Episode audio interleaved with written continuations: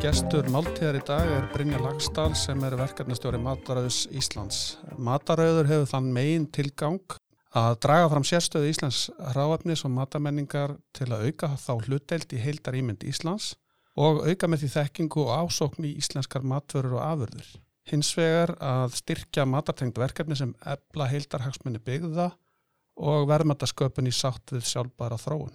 Við lifum eins og er í tísku að segja núna á fordamaljósum tímum og uh, það kreppir að hjá okkur öllum sem verðum fyrir áhrifum af COVID-19 faraldrinum og slíkum stundum er okkur öllum líklegast holdt að huga að rótunum, rifja um leiðu hvað við sannarlega eigum í okkar mataræði, getur nýtt við sjálfbjargar og tekiöflunar og veruðum leið stolt af.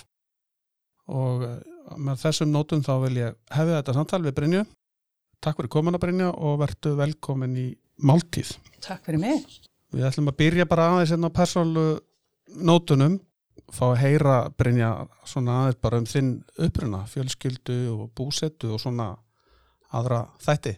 Já, ég er nú alin upp í bandarækjónum og uh, minn bakgrunnur er í helbriðsvísindum, ég er hjókunarfræðingur að ment, uh, fór síðan og, og tók diploma í, í uh, markas- og útbyrningsfræðum og tók síðan master í alþjóða viðskiptum og markasfræði og hef unni mjög mikið við verkefna stjórn og þjónustu þróun að ymsu tægi. Þannig að það er svona í gróum dráttum minn bakgrunnur. En ég held einmitt að, að uh, hjúkunar fræði mentuninn að hún, hún tengir mjög sagt, minn áhuga á líðhölsu og matvæli saman. Tenging þar sem er ekki öllum kannski ljós alltaf en, en er svo klár, klárlega til staðar og, og hérna, já, lífstílsjúkdamöndin allir, við vitum alveg. Já, já þetta er stærsti orsakavaldurinn að lífstílsjúkdamöndin og það er slangt matræði. Líðhelsumál að velja vel í korfuna á korfum einasta degi. Mér langar svona kannski bara að heyra, er eitthvað svona eitt eða eitthvað, eitt starf eða, eða verkefni eða jafnvel bara eitthvað persóna sem að þú hefur svona lært mest af gegnum tíðina? Ég hef nú sennilega lært mest af hérna, áfellum og mistökum en að sjálfsögðu á ég eins og, og allir aðrir mína fyrirmyndir sem að, að hérna, hafa móta mig í gegnum tíðina og það er oft uh, bæði hvern fyrirmyndir og kall fyrirmyndir. Hvað getur við týnt til fyrir utan vinnuna sem þú sinnir að áhuga málum? Er hvað hægst á listanum þar? Ég uh, hef mjög gaman að fjallgöngum, að lappa út í náttúrunni. Síðan uh, hef ég ótrúlega gaman að að fara á skýði og spila badminton. Þannig að það er svona almennt bara reyfing sem að, að ég hef mjög gaman að. Akkurat. Og að borða góða mat. Að borða góða mat. en ekki hvað. Og minnst á mat, áttu þér uppáhalds rétt eða, eða máltið, eitthvað svona sem mannst eftir? Uh, ef ég sko, hverfaðist í fortíðar að þá er það uh, saltfiskur með, með hérna, nei, hérna reyktu fiskur með smjöri og, og uh, harsvonum ekkjum og síðan hérna, var uh, rúbröðsúpa líka mjög vinsæl. Í dag þá er það bara ferskmeti, fersku fiskur eða, eða kjött, einhverju tægi sem að, að ég er aðlæta og, og mér finnst eiginlega allir matu góður. Það er nú gott. Já, það er bara þannig. Það hitt er mjög erfitt á stundum. Við erum aðeins svona búin að opna, opna þetta. Ég, hérna, ég langar bara að fara yfir í, við fyrir að tala um matarauð og þau verkefn. Ég veit að þau eru mjög fjölbreytt og þú ert í samskiptum við ofsalega marga og svona, getur sagt, í allri virðiskeðju matvæla sem er frábært og, og hérna ég hef fulla trúið því að þetta verkefni maturauðs uh, sé bæði þart og löngu tímabært uh, en mér langar svona að heyra hver eru helstu verkefninu og bara rennir yfir það. Þau eru náttúrulega ímis en, en þau verkefni, stóru verkefni núna að við hefum gert samning við alla landsluta uh, um markastofur og landslutastofur um að vinna að uppbyggingu síns maturauðs í héræði og uh, þar er uh, verið að leggja mikla áherslu á uh, að ebla samvinnu bæði frumframleðenda og þeirra sem er í ferðarþjónustu og veitingageiranum. Þannig að, að það verði meiri samleðar áhrif og uh, meiri samvinna. Það er bara þannig að, að fólk í hér að það heldur að viti allt um alla og, og svo kemur það saman og, og átt að segja á því að það er ykkur í, á þar næsta bæ sem er að framleiða eitthvað sem hann hafði ekki hugmynd um. Akkurat, við þurfum að, að ebla svolítið upplýsingastreymið og við þurfum að vinna bara betur saman og nú er allir landsluta sem sagt að vinna að stefnumótun með, með uh, matvæli sem er mjög gleðilegt. Anna verkefni sem er líka mjög skemmtilegt, það heitir Fræti framtíðar og það er svona pælótverkefni á vestfjörðum og þar er verið að kenna börnum að uh, setja upp vastraktakerfi og kenna þeim sem sagt að sá fræjum og uh, vinna sem sagt, og þau vinna þetta allt sjálf með sínum kennurum og leiðbeinendum. Og svo náttúrulega uppskera þau, vonandi fá þau meiri áhuga að borða græmiti þegar þau eru búin að rækta þetta sjálf. Þetta er frábæð leið til að, að hérna, bæði kenna þeim á, á hugtaki sjálfbarni og líka að, að hérna, auka áhuga þeirra á, á græmitisframlegslu inni. Það er mjög spennandi. Við eigum að kenna börnunum þetta strax. Sum, sum staðar sér maður til dæmis í Japan í, í, í skólum þá eru börnin að þau, þau sinna græmitisrækt og þau taka þátt í að búa til máltíðina líka. Já, uh, þetta er svipað og, og Green Bronx uh, verkefnið Já. sem að, að einmitt hann er að horfa til að hann gunnar hjá fræti framtíðar. Svo er annar verkefni sem við styrtu líka, það eru krakka kokka sem að, að matís hlifta á stokkonum og það er sömulegis verið að leggja áherslu á uh, matvælaframlýslu í héræði eða í nærsamfélaginu og farið með þá fræðslu inn í, inn í hérna, matrísluna og uh, krakkarnir þá búa til eitthvað rétt úr einhverju ráefni sem að þau hafa fengið í, í hérna, nærsamfélaginu. Það getur eld uh, rekstur allra þeirra sem að til dæmis er að sinna veitinga og ferðarþjónustu í kring.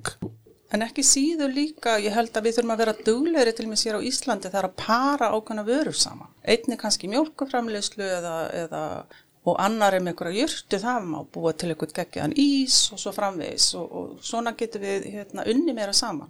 Samvinna, Já, það skiptir svo miklu máli. Og þá getur nú smæðin stundum verið kostur, það getur verið hérna, styrkleiki fólkinu því.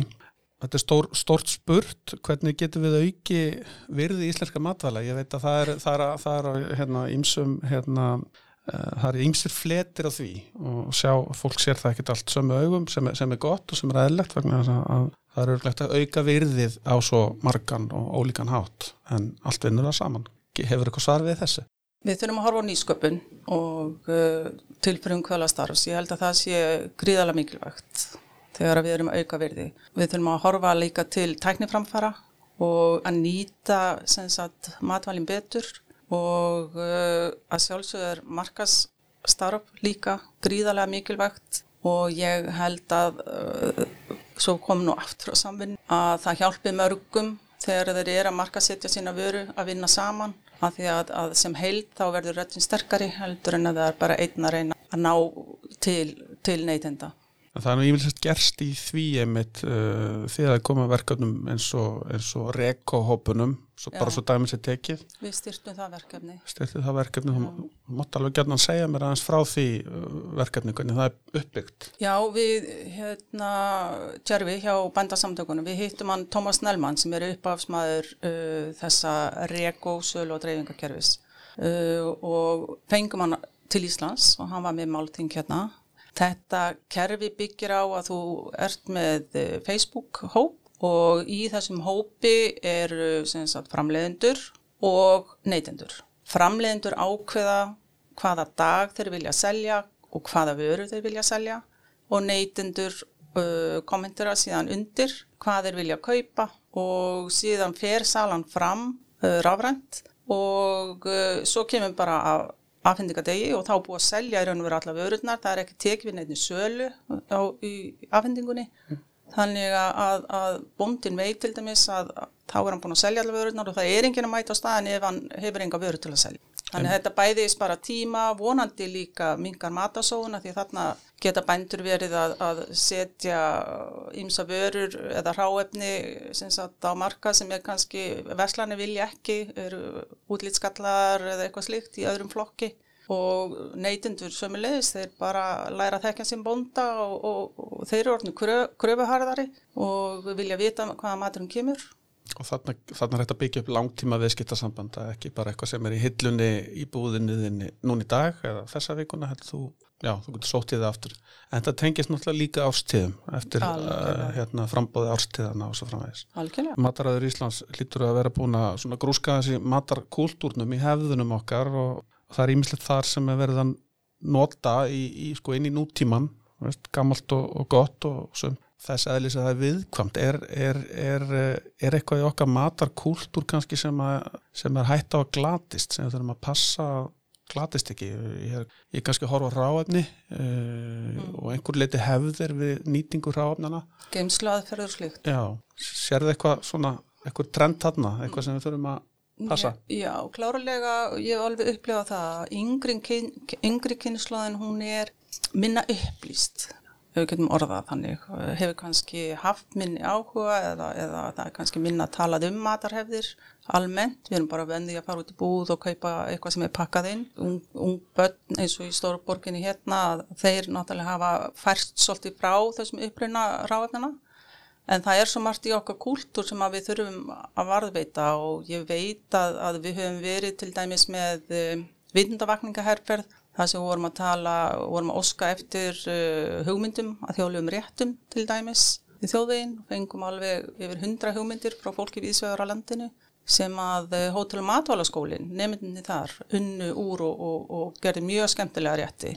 Og ég held að, að þetta er einmitt uh, svona vitundavakningaherrferðir eru frábærar til þess að þetta vekja okkur til umhugsunar og, og það er svo gaman að vera með einhverja rétti sem að, að vekja upp einhverja ákveðna minningar og færa það kannski samtíma búning þannig að öllum hugnist.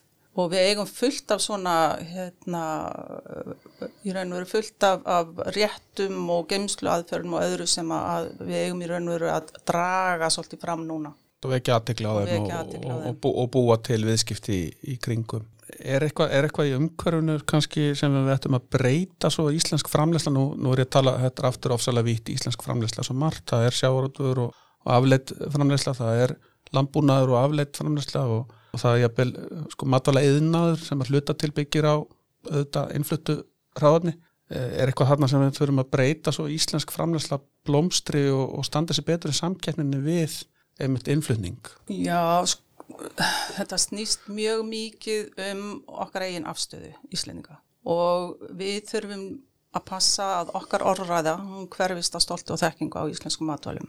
Við þurfum að átt okkur á því að, að við erum eiland og við þurfum á því að halda að það sé hérna fólk sem er að bröðfæða okkur. Já, við vitum að bændur eru um 2% af, af uh, fólk að vinnumarkaði og, og sjóminn eru eitthvað um, um tæbla 2% líka. Þannig að auðvitað þurfum við að hlúa að þessum atvinningreinu sem er að, að hérna, búa til matin ofan í okkur. Og við sem eiland og hugsandu fæðu öryggi að það er mjög mikilvægt að við séum með, við séum sjálfbæri um það sem við getum verið að framleiða og það sem borgar sig að framleiða hérna.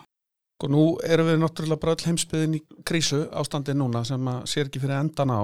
En það eru búin að koma svona upp uh, tilfelli núna sem kannski sína okkur einmitt glögt að við erum eiland við þurfum að standa á eigin fótum jafnvel lengur uh, í krísu ástandi heldur en margir töldu uh, og það kemur mörgum ávart. Uh, heldur að við þurfum reglulega krísur eða áminningu í, í krísuformi til þess að minna okkur á nöðsinn þess að huga að eigin til dæmis mataraframlæslu og þar með talið landbúnaðnum og, og fæðu öryggi hér á þessu landi. Já, það er eins og hérna, Winston Churchill saði, never waste a good crisis og ég held að, að þetta sé eitt af því sem að, að hérna, er bara virðist vera nöðsynlega áminning til okkar og það er að ganga í gegnum svona hremmingar eins og við erum að ganga í gegnum núna og síðan 2008 efnaðshremmingarnar.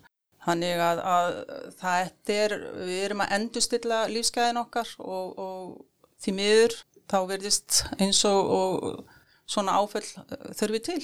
Við munum um glögt hérna, bara svo ég segi frá eigin brjósti, sko, eftir efnaðarfyrinni 2008, þá varði við þó spreyting til dæmis í veitingageiranum, mikið á unga fólkinu sem að það er, er allega mjög ungt fólk sem starfar á veitingahúsunum, er í framlínni í, í til dæmis matreyslu uh, og hérna, getur kannski sagt, svona besta aldrei, mellir 20 og 30 og svona mínu viti þá varð hrunni til þess að, að bjarga þessari kynnslóð maturslumanna frá því að aftengjast ekki sínum rótum hvað, hvað ráefni varðar og, og, og, og hérna snúa frá því að nota já, mjög mikið að innfluttu ráðefni, við getum bara nefnt prótein, kjöt og fisk, í það að, að horfa sér nær sem að, sem að síðan um leið varð þess valdandi að þessir starfsmenn og, þessir veitingastæðir, þeir, eru jöku virði sitt, því að þeir voru að nota ráðefni úr nærumhverjunu eftir krísuna. Mér langar að þess að bæta við, við hefum átt mjög gjöfult samstarf við með hótel og, og matválaskólan og, og alveg svo þú bentir á að, að nefnarnir þar, þeir eru í raun og veru kindilbyrjar framtíðarinnar og þar er mjög mikil áhersla lögð á einmitt að nota Íslands tráefni og við síðastleginn tvö ár þá hefur við vinna, verið að vinna verkefni sem að fjallar um vannitt tráefni og þá hafa þau einmitt verið að, að fengi hugmyndi frá almenningi og, og annars það frá og þau hafa verið að búa til svona hnoskæti, bara reynlega hnoskæti úr, úr vannittur tráefni og það er í raun og veru unun að sjá sköpnugliðina og hvað þessi krakkar eru klárir. Það er mjög flott starf unnið í einmitt hótelmaldarskólanum. Það er gríðarlega bara lukka fyrir okkur öll og þetta unga fólk sem er að menta sig í þessum fögum, það, það, er, það er náttúrulega framtíðin og, og eru síðan um leið fyrirmyndir fyrir sko, þá sem fylgja eftir. Þannig að svona viðhórsbreyting hún skiptir svo miklu máli og, og hefur fyririldi áhrif svo langt út fyrir það sem að margi geta ímyndið sér. En talandum um þessa krísu sem við eigum við núna er það verður auðvitað ekkur viðhórsbreyting, það verður svona kannski svona, svo ég sletti svona reality check uh, fyrir einhverja. Uh, heldur að við getum styrt okkar innviði sem tengjast matvalum í, í ljósa reynsluna sem við öllum núna. Uh, það er auðvitað allt og snemt kannski að segja til um nákvæmlega hver reynslan verður, en er þetta ekki tækifæri til þess að styrkja þessa innviði? Klárlega líka í ljósi þess eins og ég var að tala um á þann að, þessi verkefni sem landsbyðin er að vinna, það er hver og einn landsluti er að, að ebla sinn matarauð og það eru fjölmörg tækifæri í, í samvinnunni þannig að, að allt sem að eflir raun og veru innanlandsframleiðslu þar sem við erum að tefla fram uh, sagnahefðinu okkar og, og annars líkt, ég held að það styrkja okkur. Það er eitt hérna sem ég, ég rækka augunni í vikunni að, á Norðurlandunum flestum þá verðist sko landbúnaður vera skilgreindur sem þjóðharslega mikilvæg atvinnugrein sem þýðir á ímsanhátt í til dæmis krísu ástandinu sem að nú gengur yfir að, að þá fær landbúnaður svona forgang umfram sumar aðrar atvinnugreinar sem þykja ekki ja, mikilvægar á krísutíma en, en við höfum ekki þessa skilgringu hér. Er til dæmis, ef við horfum að innviðina, er, er þetta eitthvað sem við ættum að horfa til að stjórnveld skilgrinni landbúna sem þjóðastlega mikilvægan rétt eins og hinna Norrlanda þjóðarnar hafa gert? Mér finnst nú stjórnveld gera það. Mér finnst þau skilgreina landbúna sem þjóðaslega mikilvægan og, og áhugi stjórnvalda á, á matvælum og matvæla framleiðslu endur speklast í áhuga þeirra til og með að koma að matvæla stefninni og mér finnst umræða um matvæli hafa orðið miklu meira ábyrjandi með að stjórnmálamanna á síðast ári heldur en verið hefur. Og ég held að séu allir að gera sig grein fyrir mikilvæginu. Það er bara frábært, ég, ég, ég held því sem sammálaði, þetta er kannski bara einhver svona smáatriði í, í því hvernig þetta er skilganitt núna. En sko það var einn næsta spurning hjá mér, ég ætla að spurja þess út í matvælastemnuna þetta er, ég hef fylst með þessari vinnu og ég veit að þú gerir það líka vel þetta er fyrsta matvælastemna í Íslands sem er verið að vinna núna og er langt komið að, að koma á laginnar. Hvað, hvað heldur að þjóðin getur vonast til þess að fá út úr þessari stefnu svona eða hvaða verkværi stöndu við uppi þegar hún er komin fram?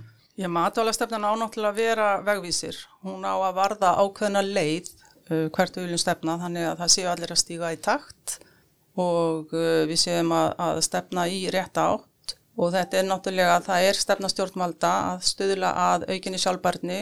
Það er meiri áhersla á ringrasarhákjörfið sem er leiðis.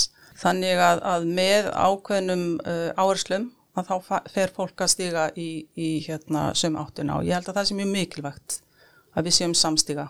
Heldur að skapist ekki líka svona aðeins sko meiri langtíma hugsun uh, við höfum kannski verið svolítið eða eins og bara allir líður að það virka þannig, það eru kostningar hérna, alla efn og fjögur ára fresti og, og stundum breytast stefnur svona svolítið rætt á milli við ríkistjórnaskipti Já. Heldur að þetta sé verkværi sem fleitur okkur aðeins lengra yfir þetta fljótt sem kostningarnar stundum geta verið að byggja brýr á milli kjörtímabila og svo framvegis. Já, klárlega án að gera það og, og ég held að það sé líka mjög mikilvægt að þessi stefna sé lifandi að hún taki mið af bara síbreytilegu markas aðstæðum og hún þurfa að vera í endurskoðun reglulega en við þurfum alltaf að marka okkur leið, við þurfum að hafa ykkur að stefni þetta er bara jákvæmt, mjög jákvæmt Já. ég vona við séum nú ekki að, ég sé ekki að hérna, endur taka spurningarnar á mikið en ef þú lýsir svona kannski frá ykkar sjónarhóli á mataræði, hver eru hver eru raunveruleg verðmætti í, í þessum hráöfnum og matavennjum sem við eigum? Ég, ég ætla ekki að segja að þú, þú ætti ekki að slá tölu á það, við erum ekki, við erum ekki að tala um Excel-skjál hérna í hlaðarpstætti en, en svona, svona þetta er kannski svona tilfinningamatt sem samt er svo raunverulegt þegar maður sér þetta uh, í, í praxis hjá þeim sem gera vel. Já, ég vil kannski bara byrja því að, að, að uh, tala um matafærðarþjónustu. Kannanir hafa sínt sem sagt að mataferðamenn að þeir eigða um 25% meira heldur en venjulegi ferðamæður og þá eru þeir ekki bara að eigða í matatengda afþreyingu, þeir eru líka, þetta eru greinlega líka mjög hérna, listfengt fólk þar að eigða í alls konar viðburði, menningu og fleira, þannig að þeir eru já, að eigða að meðaltali á heimsvísun 25% meira heldur en hinn venjulegi ferðamæður. En við þurfum að koma til móts við þeirra væntinga líka og við þurfum að læra að segja betur frá því góða sem við erum að gera. Uh, við erum með gríðarlega ríka sagnahefð til dæmis. Uh, það er mjög auðvelt að tengja mat og íslendingasögu saman, auðvelt að tengja við þjóðsögur, huldufólk, alfa og svo framvegis. Og þetta er ákveð það sem að, að ferðamæðurinn hefur svo gaman af og það eru um 71% ferðamanna, bara almennra ferðamanna sem að þegar þau koma aftur heimti sín þá tala er um matinn sem þeir upplýðu á áfangastað. Alveg eins og við gerum ef við ferðumst til útlanda eða, Já. eða á einhver svæði Þannig að þetta er gríðarleg verðmæti að kunna að tengja saman arfin okkar við samtíman og þann mat til dæmis sem við erum að bjóða upp á. og vera stolt að því og, og, og gera okkur mat úr því Gera okkur matur því. annar punktur hérna mér langar að þess að svona opna á, á, á samtalum heimavinslu bænda og smáframlenda eru þetta smáframlendur að búa til alls konar. Það er súkuleði og salt og, og svo eru bændur að, að hérna, vinna úr, úr eigin afverðum og einmitt í gegnum reko og matarmarkaði og annað að kannski komnir í miklu betra samband við neytendu sína. Erum við ekki bara réttri leið hérna? Er, er, er, hérna, er eitthvað sem að er þetta ekki komið á þann stað að boltin er bara farin að rúlla hansi vel eða er eitthvað sem við þurfum að, laga og breyta núna til þess að hjálpa þessum uh, sprótum öllum?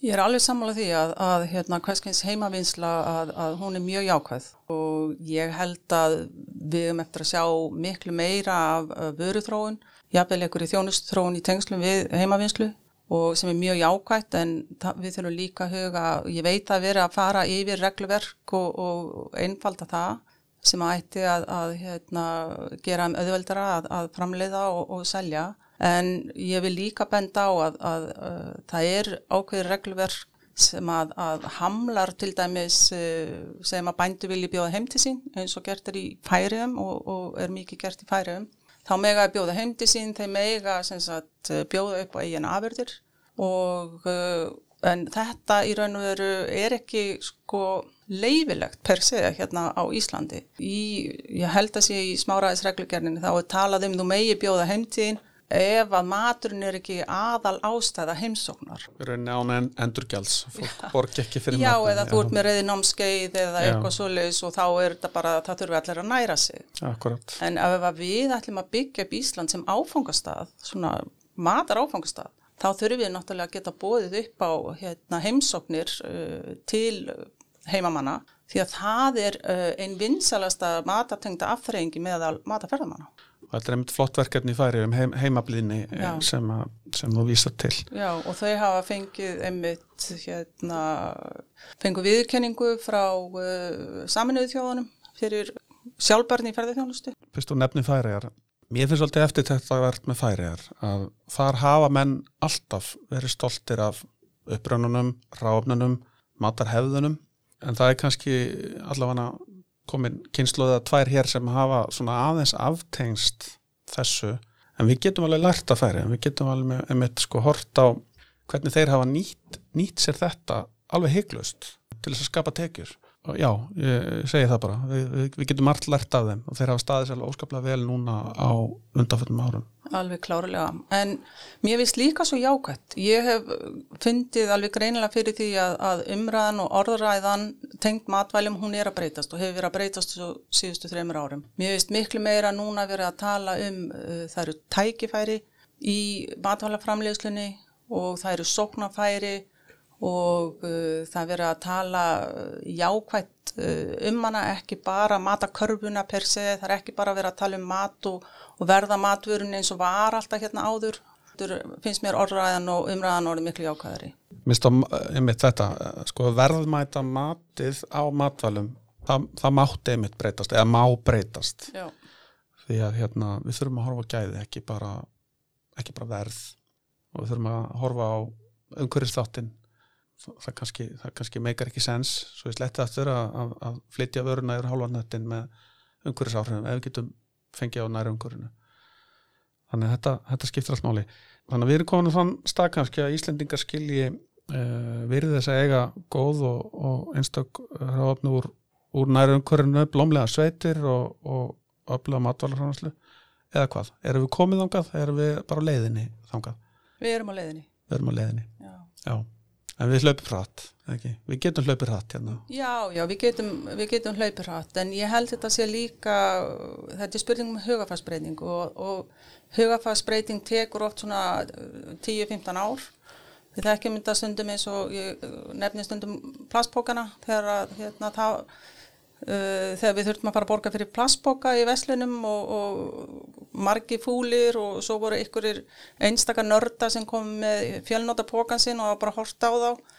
Svo leið, leið tímin og núna er þetta orðið þannig að sko maður hleypur aftur út í bíl ef maður gleymi fjölnótapókanu sínum.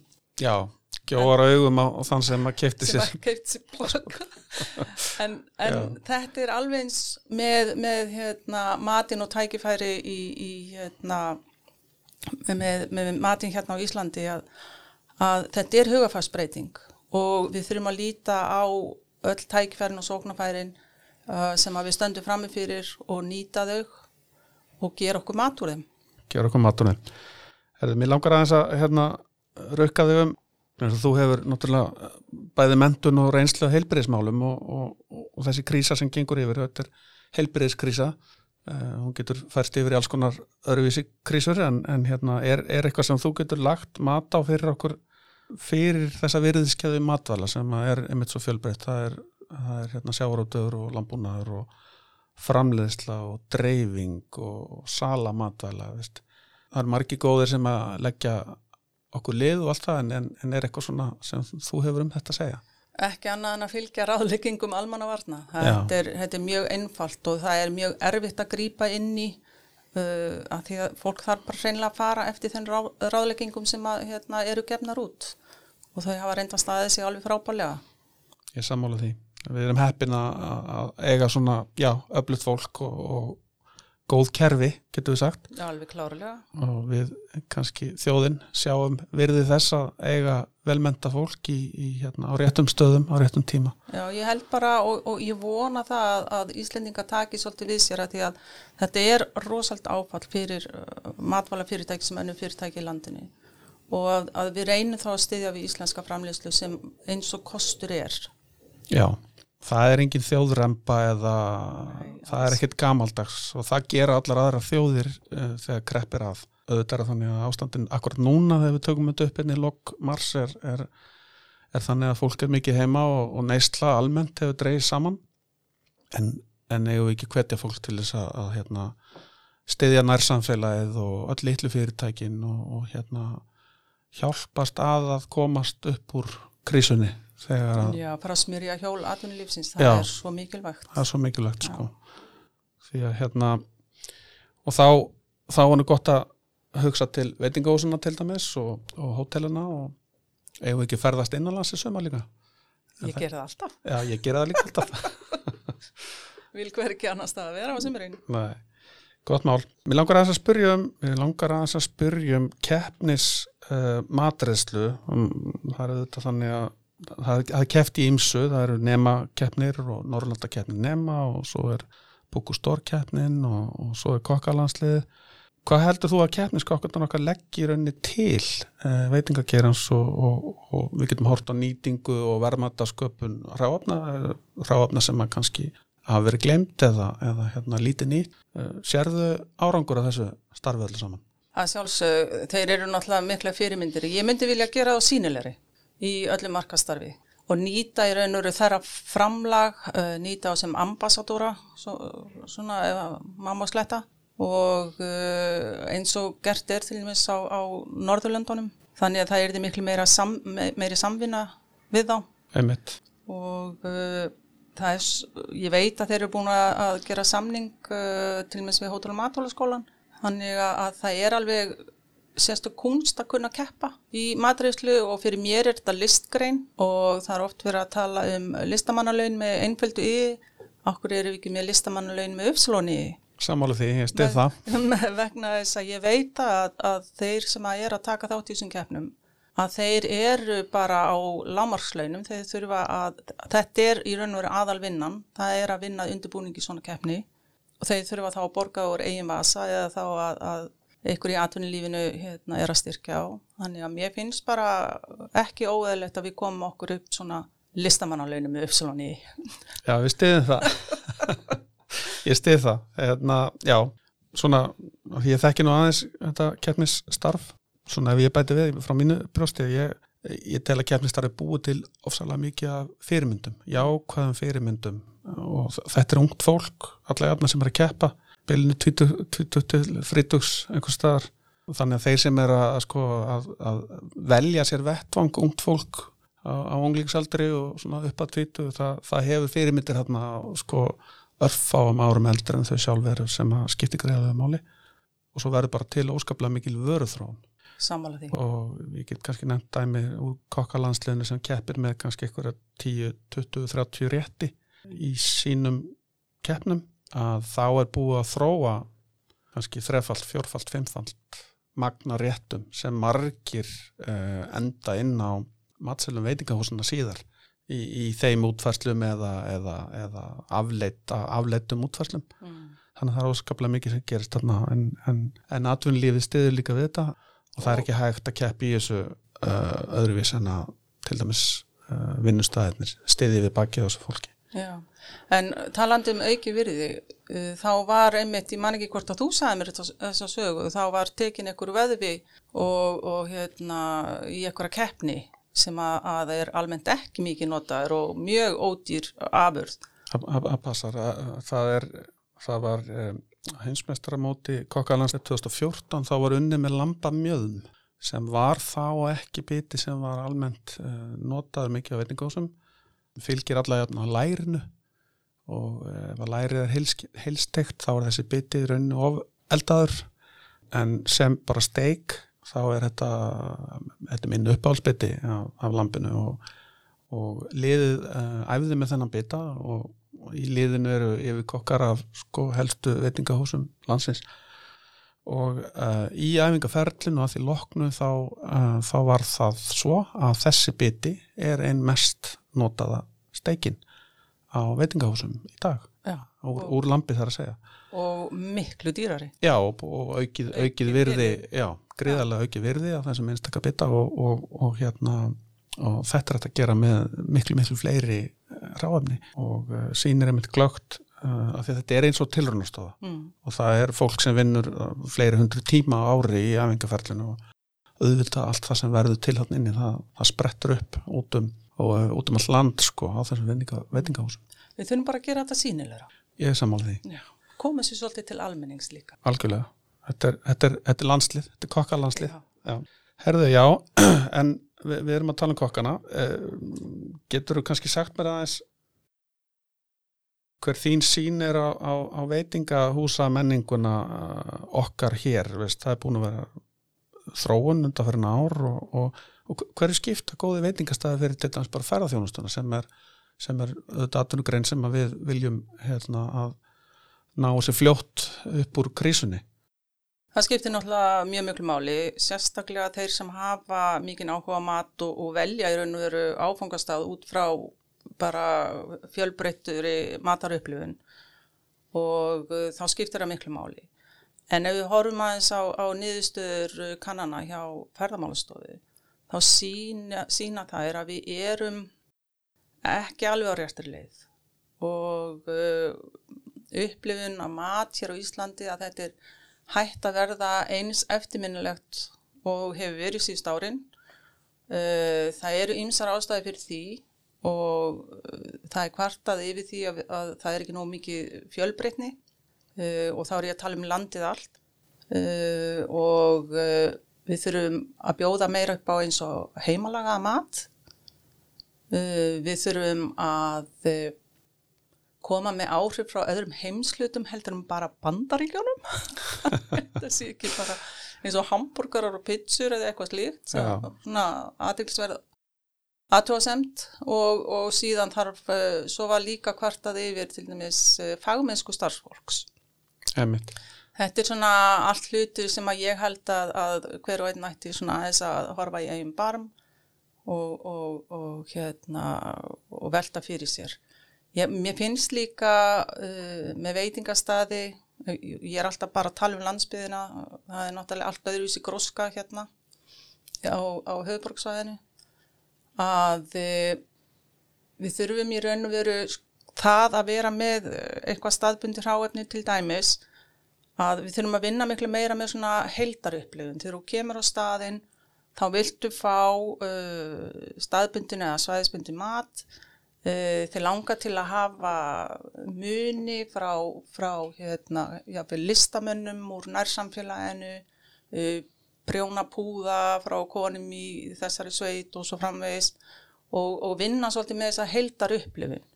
Og ég velti líka sendu fyrir mér sko eins og með hlutverk veitingastada, þeir geta kannski komið meira inn á eins og að vera hreinlega síningasali fyrir heimamenn og, og annað slíkt, að það mætti svona útvíka svolítið hlutverkið. Ég er sammála því. Þetta er bara pæling. Þetta er pæling, já. Já.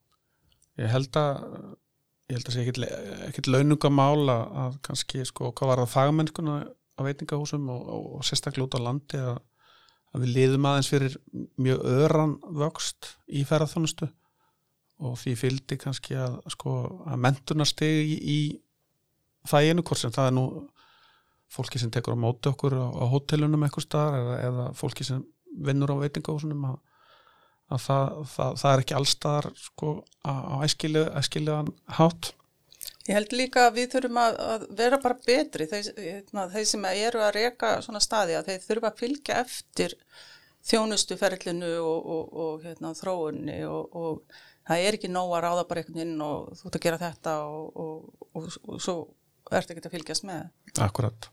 En það er annað sem að mér langar líka kannski að minnast á varðandi veitingastæði að við höfum verið að vinna svolítið með landslutunum að, að reyna að finna svona sérkenni hvers svæðis.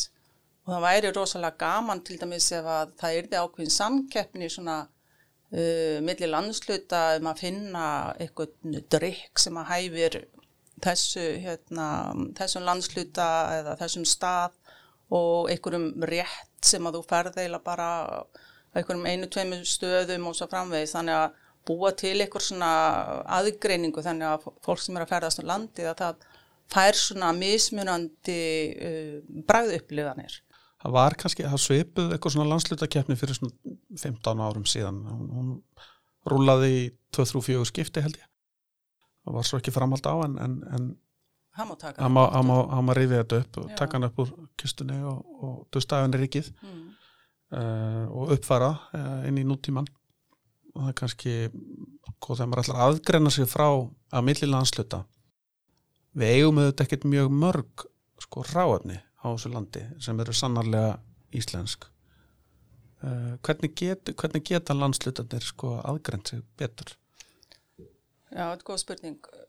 Það er náttúrulega landslutina að- að finna sína aðgreiningu. Ég held að, að uh, austfyrðir eiga kannski svolítið öðult með að segja ok, við erum með reyndirið og, og við erum með hérna seppina, villiseppina og, og svo er höfn á hotnafyrði með humarinn og, og en það má alveg sko leita til hefðarinnar og, það er ekkert allstað til dæmis uh, farið í björg að, að týna egg, það má týna slíkt til. Týna það til sem að kannski er ekkert algengt uh, á, á hérna, í öðrum landslutum. Til dæmis á Suður og, og Vesturlandi þá er miklu auðveldra að týna matþörunga vegna þess að það meiri munur á milli flóðs og fjöru. Þannig það er líka annað sem að hérna, uh, hægt er að tala um og kræklingar til dæmis í breyðaferði og annað, það er alveg ímislegt uh, hægt að nota til aðgreininga hvera matreysla, uh, þú veist á jarðhittasvæðum. Það er svona, það er ímislegt sem að hægt er að týna til. En, en það er alveg rétt sem þú segir, við okkur hætti svolítið til að hugsa um að við erum að framleiða þetta og, og, og hver er þá aðgreiningin.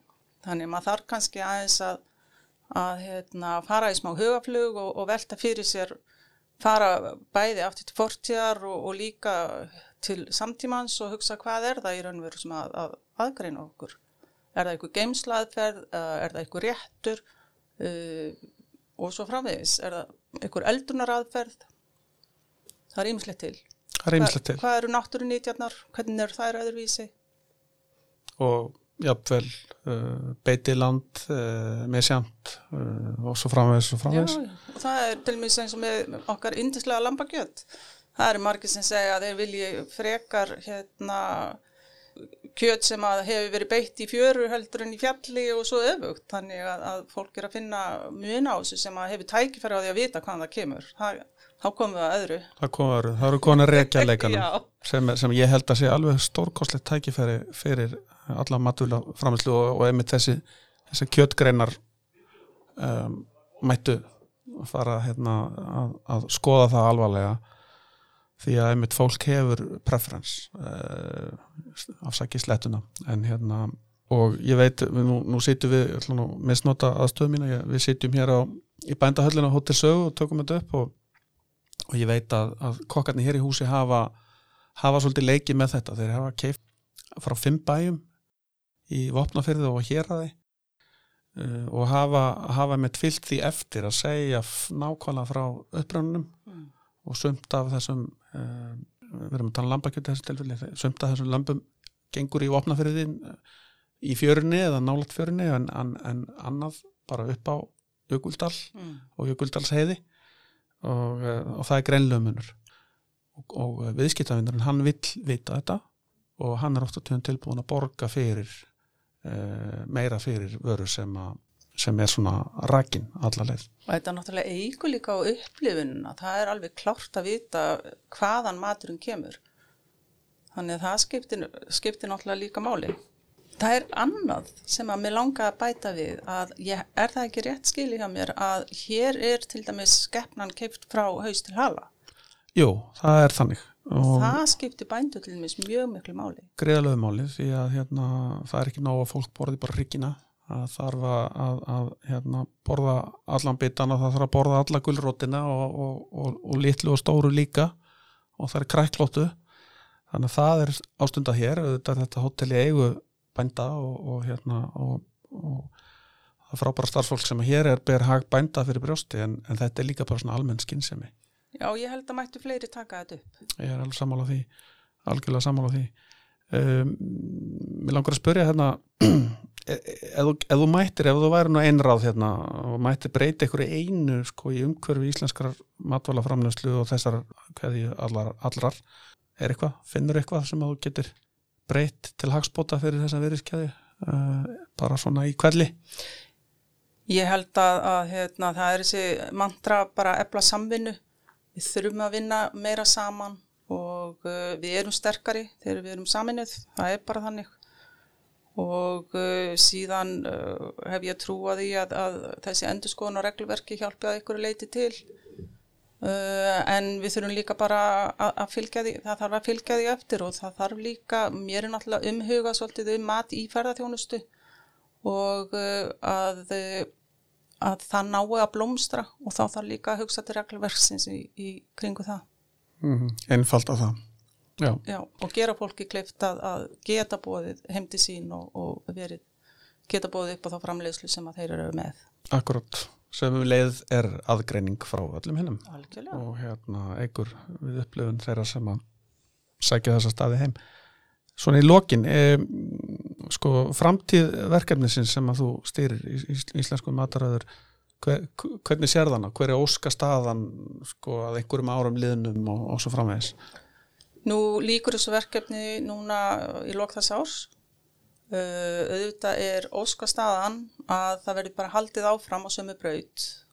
Við hefum lagt ákveðna línur með uh, að styrkja verkefni þannig að, að þau leiði í raun og veru til samfélags hagspota og uh, þetta sé svona í raun og veru ávinningur fyrir, fyrir samfélagið og uh, ég vona bara að, að uh, það haldi áfram Já. í einhverju mynd Já, einmitt. En það er alveg ljóst að það þarf uh, ofinbæra stuðning til að koma uh, svona verkefnum að stað. Það þarf uh, það þarf svona uh, svolítið ástriðu og, og eftirfylgni og sáfræjónum og sjá til þess að þau fari að dafna. Já, en svo þarf líka að fylgja þeim eftir og við erum ekkert rosalega góði því á Íslandi að fylgja málum eftir. Nei, við erum sprettlöpar alltaf. þetta já, er sprettur já, og, og, og langlöp líka. Þekkingin sem verður til við að skapa verkefni og hún er svo fljóta fjara út ef að, ef að út, úthaldið skortir. Ég er alveg sammála því. Við þurfum að stöla þessu, halda fram að byggja upp matarauð Íslands með eh, öllu því, öllu þeirri uh, virðiskeiði sem, sem að fylgir. Við ætlum að ljúka þessu núna. Ég vil bara þakka kjærlega Brynja Takk fyrir mig fyrir komuna og hérna við kannski spjöldum saman aftur síðar og tökum þátt nummer tvö. Takk kærlega Kæra þakkir.